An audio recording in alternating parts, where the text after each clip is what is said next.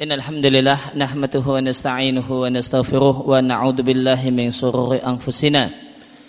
ومن سيئات أعمالنا من يهده الله فلا مضل له ومن يؤلل فلا هادي له وأشهد أن لا إله إلا الله وحده لا شريك له وأشهد أن محمدا عبده ورسوله صلى الله عليه وعلى آله وصحبه وسلم. وبعد kaum muslimin dan muslimah jamaah salat maghrib.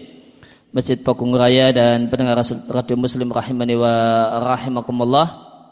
Kembali kita lanjutkan bahasan dari buku Fikih Hasad karya Mustafa Al-Adawi. Uh, Namun kemarin di bahasan buku Fikih Hasad ini kita jumpai persinggungan tentang masalah Al-Ain. Ya, maka ingin saya sampaikan keterangan atau saya bacakan atau saya berikan tambahan keterangan perkenaan dengan masalah al-ain ya, dari ya, buku Kaifatu Alij Maridoka bi Ruqyah Asyariyah yang merupakan karya seorang raqi di Arab Saudi seorang tukang ruqyah namun sekaligus seorang alim. Maka buku-buku beliau tentang masalah ruqyah adalah buku yang sangat recommended untuk uh, mengkaji masalah uh, masalah ruqyah. Ya, beliau adalah uh, saya Dr. Abdullah Ibn Muhammad As-Sadahan. Ya, beliau punya banyak buku tulisan tentang masalah ruqyah, ain dan yang lain yang seputar hal tersebut dan beliau adalah seorang alim sekaligus beliau adalah praktisi ruqyah maka beliau punya kemampuan uh, background ilmu syar'i yang mapan atau sangat mapan ditambah beliau punya pengalaman di dunia ya, praktek uh, Abdullah ibn Muhammad As-Sadahan dan beliau punya situs di internet kalau tidak salah dan beliau punya banyak buku tentang masalah ruqyah, masalah al-ain dan yang lainnya dan bukunya sangat-sangat recommended untuk masalah ini. Ya, maka uh, kemarin kita sampaikan bahasanya Nabi mengatakan mayoritas yang menyebabkan orang mati dari umatnya adalah karena al-ain. Maka beliau katakan al-ain ia sababul ghalib dikathirin min amradin nas wa ghairuha istisna. Ya, ain adalah sebab yang paling dominan untuk sakitnya banyak orang. Adapun sebab yang lain yang real eh, real karena yang lain itu satu hal yang bersifat pengecualian. Ya, dalilnya adalah sabda Nabi Shallallahu Alaihi Wasallam, "Aktsaru man yamutu min ummati." Mayoritas orang yang mati dari umatku ba'da qada ilahi wa qadarihi setelah takdir Allah Subhanahu wa taala adalah bil ain, adalah karena ain.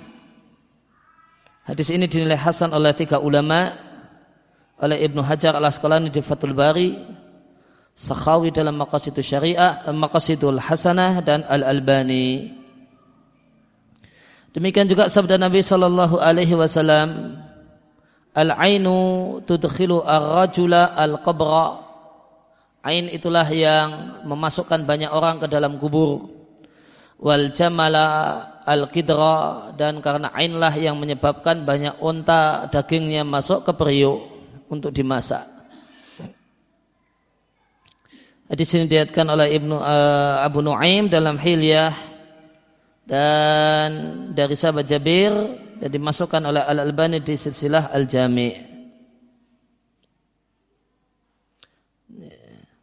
Oleh karena itu maka dari hadis ini beliau katakan intinya bahasanya uh, yang paling banyak menyebabkan kaum muslimin sakit itu adalah al-ain. Dan ini tidak tidak sebagaimana tindakan banyak araqi, banyak tukang ru'yah yang kemudian bikin isu dan was-was dan bikin kesan bahasanya apa-apa karena pengaruh jin. Apa-apa karena pengaruh sihir. Itu satu hal yang tidak benar yang benar yang sesuai dengan dalil eh, adalah karena ain. Bukan karena pengaruh jin atau pengaruh sihir. Maka beliau katakan ada pun pengaruh sihir maka itu ada. Lakin laisakan disyaril ain. Namun tidak sebagaimana tersebar luasnya dampak karena al ain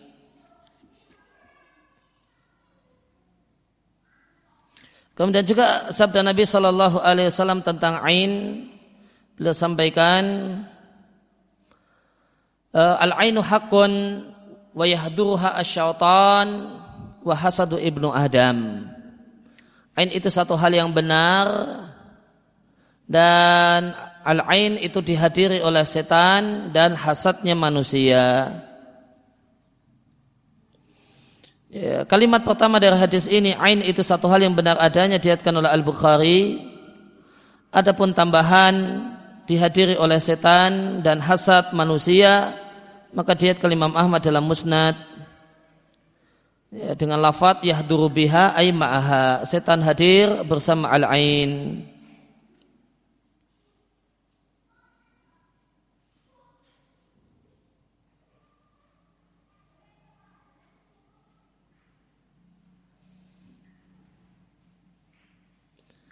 Ya, maka uh,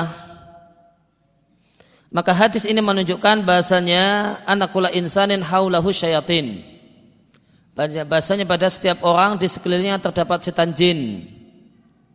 Ya, yang dia setan-setan jin ini menunggu-nunggu untuk mencelakakan manusia. Ya, mencelakakan manusia. Kemudian ketika ada orang yang terkagum-kagum dan apa hakikat al-ain? Maka kesimpulannya setelah pembahasan panjang beliau katakan idan kesimpulannya alladhi yakhruju minal ain huwa al-wasfu. Yang muncul dari al-ain itu adalah al-wasfu. Adalah komentar. Adalah kalimat. Adalah kata-kata. Oleh karena itu maka hakikat ain itu samul lisan racunnya lisan. Racunnya lisan. Oleh karena itu orang yang buta bisa menimpakan ain pada orang lain. Ketika dia eh, kemudian mendapatkan gambaran tentang sesuatu yang menarik, kemudian dia komentar dengan lisannya.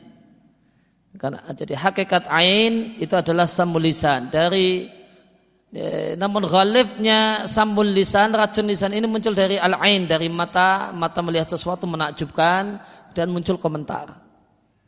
Muncul komentar. Nah, komentar itulah yang kemudian berdampak. Gimana kok bisa berdampak? Wa yatalaqaf syaitan al-mutarabbis.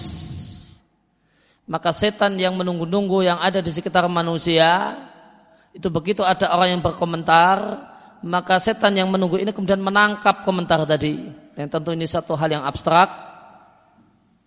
Alladzi lam yuzkar Allahu alaih yang tidak disebutkan nama Allah padanya. Oh, oh. Kemudian ketika dia komentar, tuh cantiknya, eh, cakepnya bayi ini, maka keluar dari lisan tersebut. Ketika keluar komentar semacam ini, maka setan yang mutarabis yang eh, ada di sekeliling manusia yang menunggu dan menunggu-nunggu kesempatan untuk mencelakakan manusia menangkap kata-kata tadi. Wa yu'athir fi badanil mahsud biiznillah. Lalu kemudian setan kemudian bisa memberikan dampak kepada ya, dampak ya, kepada badan dan fisik orang yang uh, didengki dengan izin Allah Subhanahu wa taala idalam yakun thammata tahsinun. Ketika orang tersebut tidak memiliki benteng. Benteng gaib yang melindungi dirinya dari gangguan setan. Oleh karena itu maka orang yang menimbulkan ain orang yang menjadi sumber ain ya, itu ada dua macam. Yang pertama adalah al-ain du an-nafsi al-khabithah orangnya memang adalah orang yang memiliki jiwa yang busuk. Itulah orang yang hasad. Orang yang hasad. Maka ketika dia hasad dengan sesuatu, fayutlik al-wasfa, maka kemudian keluarlah komentar yang berasal dari dirinya tanpa menyebut nama Allah Subhanahu wa taala dan tanpa tabrik. Lalu komentar pujian atau kemudian komentar dengki karena nikmat tadi nikmat yang ada pada orang yang dia dengki ditangkap oleh arwahus syaitaniyah al-hadirah oleh setan yang hadir yang ada di sekelilingnya yang memang berangan-angan untuk bisa menyakiti seorang muslim maka dan maka pada saat itu ketika Allah inginkan dan tidak ada benteng gaib yang melindungi orang yang jadi sasaran mahlakah maka terjadilah musibah. Inilah ain yang dikatakan oleh Nabi Shallallahu Alaihi Wasallam. Ain itulah yang memasukkan banyak orang ke dalam kubur dan memasukkan banyak unta ke tungku masa ya, maka ain tidak hanya mengenai orang namun juga mengenai binatang. Binatang milik seseorang. Maka seorang itu punya onta kemudian eh, ada orang yang dengan pandangan hasadnya kemudian keluarlah komentar-komentar. Nah, maka racun lisan ini kemudian menjadi inilah uh, anak panah ya, yang nanti kemudian akan dibawa oleh setan yang hadir yang ada di sekitar itu kemudian ditujukan kepada orang yang jadi sasarannya. Wahadal hasad wal hasadul yahud inilah dan hasadnya hasadnya orang Yahudi dan orang-orang yang menyerupai Yahudi. Kemudian yang kedua adalah ain ain du nafasin du nafsin taibah. Ain yang berasal dari orang yang baik-baik. Ini tidak berasal dari orang yang dengki, namun ini berasal dari orang baik-baik. Dia orang saleh. Namun e, biiznillah kemudian keluar pujian ya, tanpa diiringi tabrik dan mengingat Allah Subhanahu wa taala. Akan tapi karena dia e, fi ghamrati tanafus karena dikarenakan persaingan bukan karena hasad yutlikul wasfa keluarlah komentar tuna dzikrillah tanpa mengingat Allah Subhanahu wa taala. Kemudian setan yang hadir kemudian menangkap ya, komentar tadi, kemudian dia ya, kemudian dia bersengaja kemudian dia bawa ya, racun dan anak panah gaib tersebut untuk menyakiti orang yang menjadi sasaran ain. Boleh jadi pada jasadnya, boleh jadi pada anggota badannya atau untuk mengganggu jiwanya dengan merasa sempit, merasa ketakutan, kekhawatiran dan yang lain. Dan pada saat itu maka inilah adalah ain yang mus'aijah, ain yang mengganggu, tidak sampai mematikan. Ain yang mematikan adalah ain yang pertama, ain hasad. Kalau ini statusnya cuma muz'aid, mengganggu, ya timbul dampak, namun tidak sampai mematikan dan uh, terapinya mudah biiznillah dan contoh untuk ain jenis yang kedua ini ada yang terdapat dari dalam kitab sahih dari hadis Amir ibn Rabi'ah dan Sahal ibn Hunayf. Dan perlu diketahui ain yang timbul dari Amir ibn Rabi'ah sahabat ain eh, sahabat Amir ibn Rabi'ah ini adalah sahabiyun jalilun minal badriyin. Dia adalah sahabat Ahlul Badar. Dan banyak penulis masalah ain dan ruqyah juga para raqi eh, tukang ru'ya hadahumullah itu kemudian komentarnya kebablasan ketika ya, bahas hadis ini ya, kisah Amir ibn Rabi'ah ya, banyak yang komentar kebablasan ketika membicarakan sahabat ini dan bahkan menyebutnya memiliki uh, uh, nafsin khabisah jiwa yang busuk. Iya dan billah maka ini satu hal yang diperhatikan supaya hati-hati dalam komentar sehingga tidak termasuk dalam sabda Nabi Shallallahu Alaihi Wasallam la tasubu ashabi. Janganlah kalian menjelek-jelekkan sahabatku.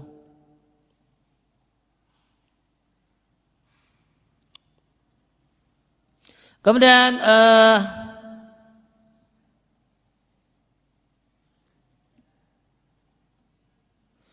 dan satu hal yang perlu di uh, perlu diketahui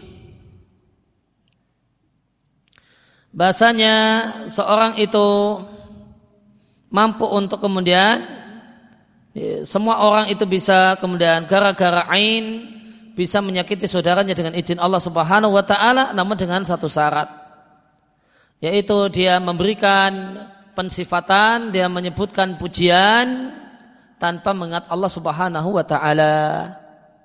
Wahada amal dan perbuatan ini memuji tanpa menyebut nama Allah Subhanahu wa taala tanpa tabrik.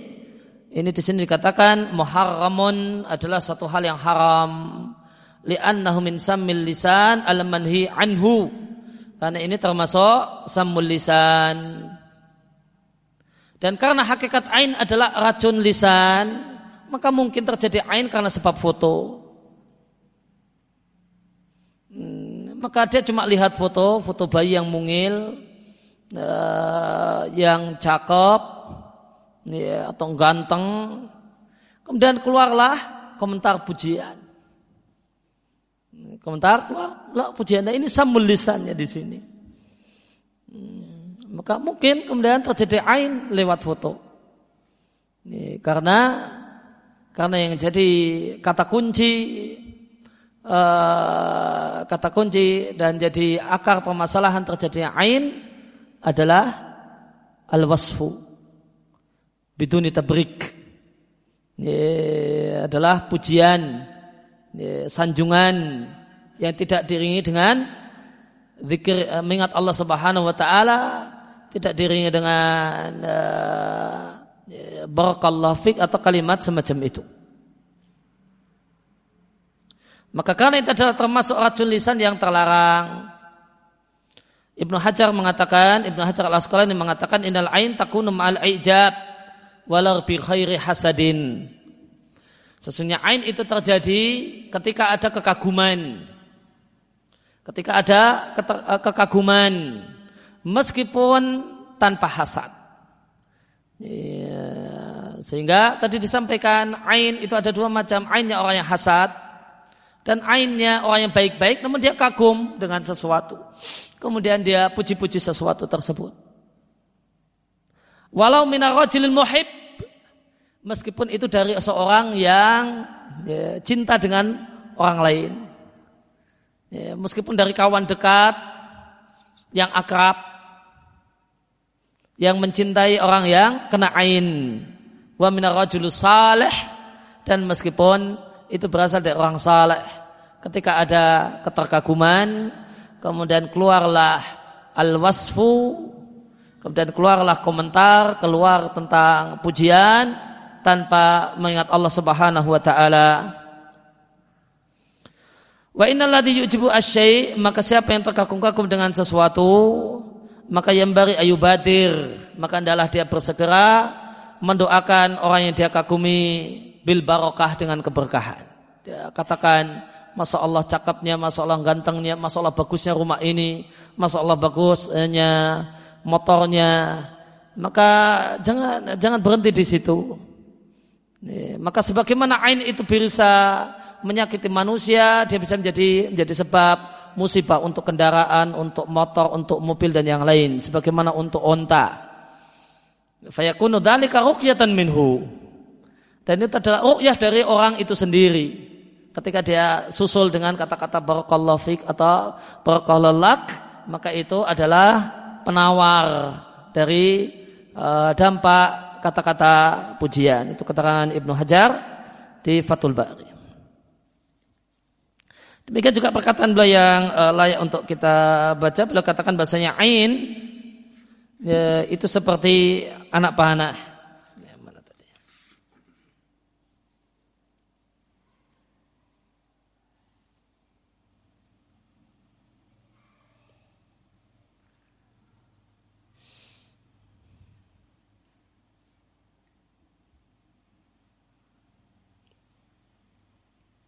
Ya, beliau mengatakan sebagian orang bingung dengan mengatakan bagaimanakah ain itu berdampak min bu'din dari jarak jauh.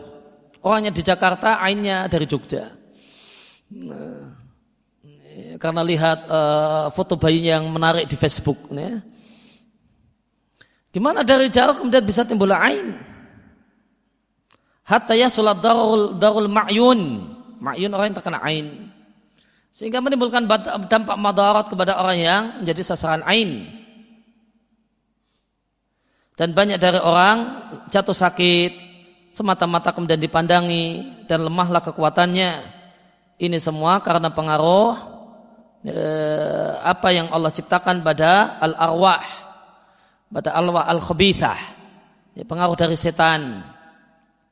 Ya, dan karena hal ini sangat berhubungan dengan mata, maka kemudian perbuatannya dinasabkan kepada mata. Ya, namun itu mata bukan syarat. Oleh karena itu orang buta bisa menimpakan ain. Walaisat hiya al muathirah. Namun mata itu bukanlah yang memberikan dampak. Bukan mata yang memberikan dampak kata Ibnu Hajar. Wa inna ma ta'thiru liruhi. Namun yang memberikan dampak adalah ruh al-khabith yaitu syaitan. Faladhi min ainil ain maka yang keluar dari matanya orang yang mengandung ain adalah sahmun maknawi adalah anak panah abstrak jika kemudian anak panah abstrak ini bertepatan dengan badan yang tidak terlindungi, maka akan memberikan pengaruh. Wa illa jika tidak, maka anak panah tersebut tidak akan tembus. Bal rudda ala sahibihi. Bahkan akan balik kepada orangnya. Kasami al-hisi sawaun. Seperti kemudian anak panah, real, sama persis. Kalau itu kemudian terbenteng mental dan mentalnya boleh jadi kembali kepada orang yang memanah.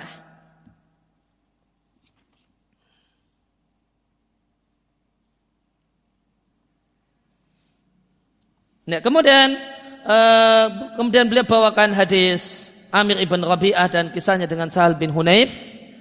Kemudian beliau sampaikan fawaid ya, kandungan dari hadis ini. Ya, kandungan dari hadis ini. Nampaknya kalau di fikih hasad nggak ada ya. Kandungan secara khusus tidak ada di sini. Nah, maka fawaidnya kan saya bacakan dari sini. Yang pertama, maka tatkala Amir itu keluar dari lisannya pujian kepada Sahal. Dan dia tidak menyebut nama Allah Subhanahu wa taala dan tidak mendoakan keberkahan, maka intolaqa syaitan. Maka yang terjadi setan kemudian berangkat mengambil menangkap kata-kata tersebut dari Amir yang kagum dengan sahal. Maka dia tangkap kata-kata tadi wa auqa'a al adha kemudian setan kemudian menimpakan gangguan pada sahal kemudian berangkatlah para sahabat kepada Nabi dan menceritakan apa yang terjadi dan lihat pertanyaan pertama yang Nabi sampaikan kepada para sahabat siapakah orang yang anda curigai oleh karena itu maka uh, di balik pertanyaan ini ada sejumlah pertanyaan yang layak ditanyakan kepada orang yang sakit yang dimungkinkan karena ya, dimungkinkan karena ain. Maka pertanyaan pertama, adakah seseorang tertentu yang Anda curigai mengeluarkan kata-kata pujian? Atau kemudian apakah ada seseorang yang menceritakan kepadamu bahasanya dia mendengar ada orang yang memberikan pujian? Jika itu tidak ada, apakah engkau melihat dari mimpi? Ya, melihat dalam mimpi seseorang yang menyakitimu terus-menerus? Atau yang ketiga, apakah engkau melihat film manam ketika engkau tidur? Apakah engkau melihat hewan-hewan semacam anjing atau kemudian kucing atau kera, kemudian uh, akorib, kemudian kalajengking yang menyerangmu? Maka jika jawabannya adalah na'am, maka jika jawabannya adalah iya untuk pertanyaan yang pertama, maka perlu diambil satu asar, satu bekas dari orang tersebut, orang yang memberikan pujian, diambil boleh jadi air liurnya atau sisa minumnya atau kemudian peluh dan keringatnya kemudian dicampur dengan air kemudian dituangkan ke kepala orang yang terkena ain dari arah atas satu tuangan Kemudian perlu kemudian diminum jika ain tersebut berdampak pada bagian dalam perutnya dan menggabungkan dua-duanya itu yang lebih baik. Kemudian jika ada pun pertanyaan yang keempat, jika jawabannya iya, Faistaknas maka kita istiqnas kita mengambil pelajaran dari hadis Nabi Shallallahu Alaihi Wasallam yang diatkan oleh Ibnu Majah meskipun dia daif. Liru'ya kunan wa asma sesungguhnya mimpi itu punya kunyah dan nama-nama. Fakan nuha maka ya, sebutlah maka kunyahkanlah wa tabiruha bi asma'iha dan ambil iktibar dengan namanya. Fa nas'alu hadal marid kita tanyakan kepada orang ini apa yang yakni laka apa makna dari hewan-hewan tersebut? Dari kerabatmu, temanmu atau tetanggamu? Atau di mana Anda melihat uh, keberadaan hewan tersebut. Maka akan kemudian terlintas dalam pikirannya sejumlah person. Maka diambillah bekas dari orang tersebut diiringi dengan baik sangka dengannya. Karena boleh jadi itu adalah ain jenis yang kedua. Karena jika seorang itu dzakiran lillah istimrar, jika seorang itu terus menerus mengingat Allah Subhanahu wa taala, maka dia akan menyakiti setan tersebut yang dia datang melalui hada antariki hadal wasfi ya, dari pujian kata-kata pujian yang dia lontarkan maka setan yang menyakiti tersebut bisa kita ganggu dengan zikir tersebut. Maka ya tahu Allahu fil manam maka kemudian kita minta kemudian diupayakan kemudian orang yang sakit tadi berusaha untuk lihat dalam mimpinya person yang menjadi sebab ain atau hewan yang menunjukkan pada person yang menyebabkan ain sehingga dia terbebas dari penyakitnya. E, karena hewan tersebut seakan-akan mengatakan ilah al-ain. Inilah orang yang e, menimpakan ain maka ambillah kemudian bekas darinya kemudian khalisni selamatkanlah aku dari siksaan ini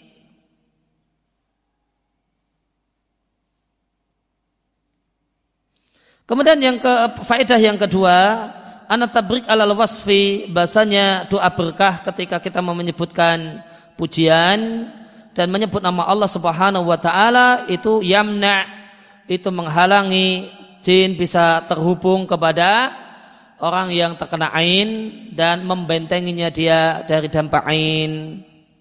Oleh karena itu Nabi Shallallahu Alaihi Wasallam mengatakan hala barokta. Kenapa engkau tidak mengucapkan tabrik?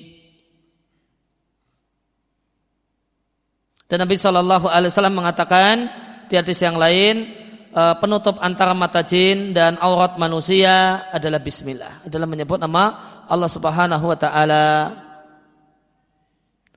Kemudian yang ketiga faedah yang ketiga di sini Nabi perintahkan Amir untuk ikhtisal. Ikhtisal di sini bukan mandi betul-betul mandi, namun cuma basuh-basuh.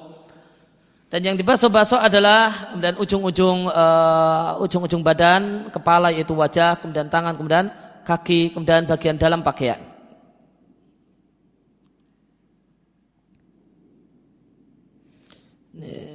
Karena kenapa kenapa tempat-tempat ini yang dipilih?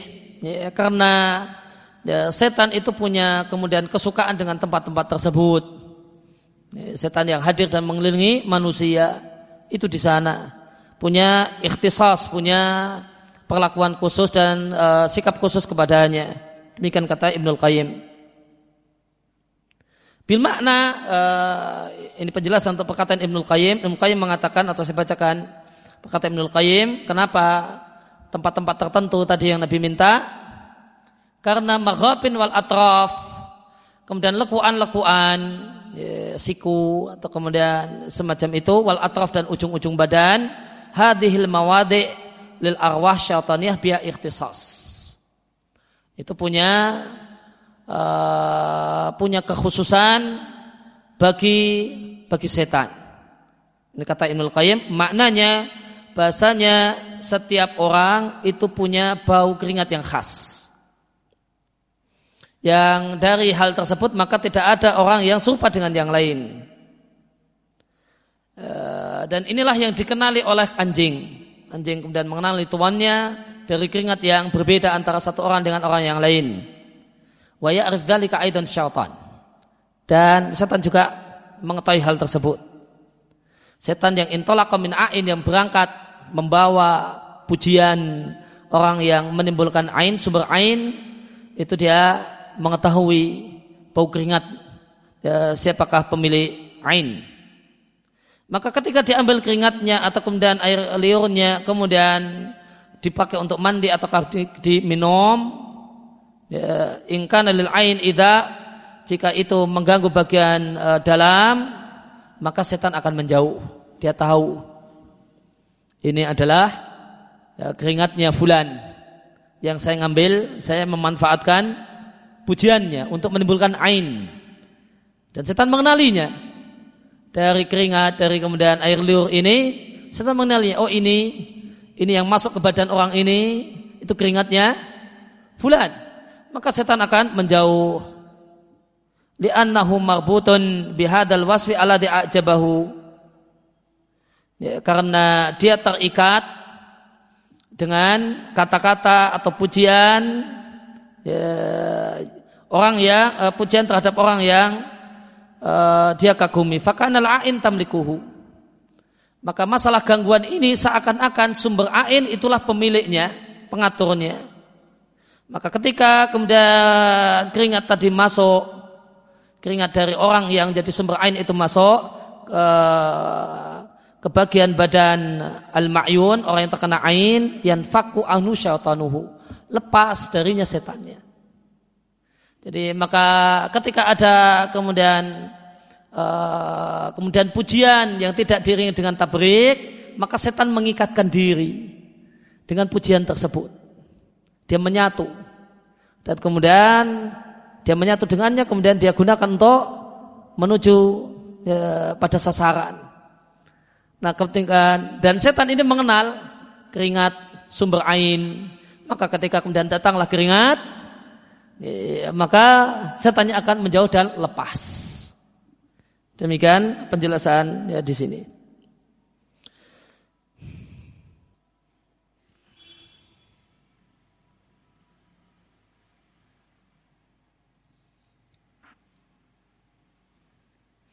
Ya, kemudian Nabi mengatakan berkenaan dengan uh, kemudian hasil uh, tadi setelah diminta untuk uh, untuk baso-baso, maka Nabi katakan subba alaihi min waraihi. Siramkan air tersebut dari belakang sehingga rata ke seluruh badan orang yang terkena ain. Hmm. Artinya min makani ruyatil ain dari tempat di mana orang yang menjadi sumber ain itu melihat. Karena Amir ibn uh, Rabi'ah itu melihat dari belakang.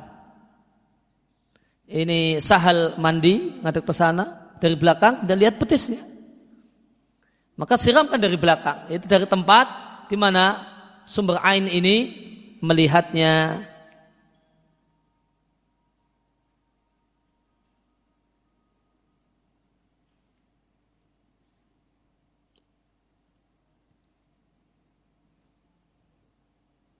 Ya, karena uh, maka dituangkanlah air pada kepalanya sehingga rata ke seluruh badan orang yang terkena ain.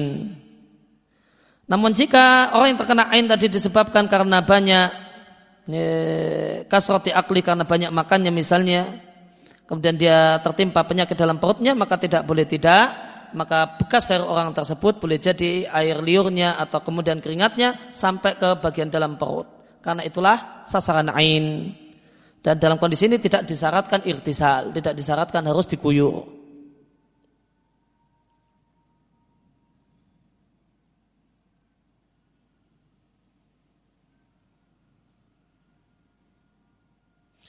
Kemudian e, di antara faedah hadis ini jika kemudian disampaikan di sini jika kemudian tidak ada persoalan tertentu yang bisa dicurigai maka barulah yasra' fil qiraah barulah kemudian solusinya adalah sekedar dibacakan ayat-ayat Al-Qur'an dan semacam itu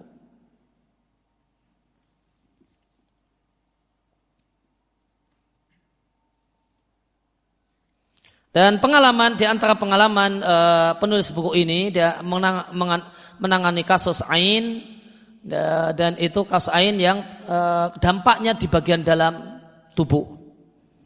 Ya, satu kasus e, di satu kemudian acara walimah, acara makan-makan, pesta pernikahan, ketika daging kemudian dibagikan kepada para tamu, maka ada salah satu orang yang di situ guyon dengan temannya dengan mengatakan batanuka kal kasarah. Ya, dengan maksud guyon, perutmu itu seperti penghancur batu. Wah, ini nanti akan digiling semua ya, makanan yang ada. Ya, karena ya, itu karena ini uh, model walimah uh, ala orang Arab Saudi. Ya, di situ kemudian nampan-nampan, kemudian penuh dengan makanan, penuh dengan daging. Ini perutmu dia guyon dengan temannya, perutmu seperti penghancur batu. Ini melahap semuanya. Maka tertawalah semua yang hadir di tempat itu. Namun di akhir walimah orang tadi ya, kemudian mules berat. Kemudian mau muntah bahkan muntah. Ditambah ishal, ditambah kemudian mencret. Akhirnya kemudian dibawa ke rumah sakit. Kemudian dokter kemudian setelah kemudian dilakukan dia uh, setelah diperiksa uh, ya dan diperiksa maka dijumpai udun fil am'a. Ususnya itu uh, ngikat. E, e, ususnya ngikat. E, ususnya mengikat dirinya sendiri. Wa anna buta min amaliyah jirahiyah, maka perlu operasi. Operasi segera untuk menghilangkan uh, ikatan tersebut. Maka dilakukan operasi dan sukses dan dia bisa meninggalkan rumah sakit setelah kurang lebih sebulan supaya dia nunggu di rumah sakit selama sebulan untuk kemudian betul-betul pulihnya lukanya. Namun pada saat dia sampai di pintu gerbang rumah sakit, dia mengalami sakit e, yang luar biasa di perutnya. Maka kembali kemudian dicek dan dokter kemudian e, e, ya, yang hasilnya sangat mengherankan para dokter karena demikian cepatnya terjadi lagi kembali usus itu mengikat maka kemudian diputuskan harus ada operasi yang kedua untuk kemudian mengambil usus yang kemudian bulat tadi. Akhirnya dia kemudian tambah di rumah sakit sebulan lagi. Kemudian ketika ketika kemudian mau keluar dari rumah sakit untuk yang kedua kalinya, sama di pintu gerbang kemudian mules kembali. Dicek, ya sama. Nah, dicek ternyata ususnya bulat, mengikat. Dan dokter menetapkan tidak mungkin kemudian ada operasi yang ketiga kalinya. Karena tidak mungkin badan mendapatkan hal tersebut. Eh, dan dokter kemudian mengatakan ini adalah kasus pertama di jagat di dunia ini eh, layu'rab laha sababun wajih tanpa diketahui sebab jelasnya.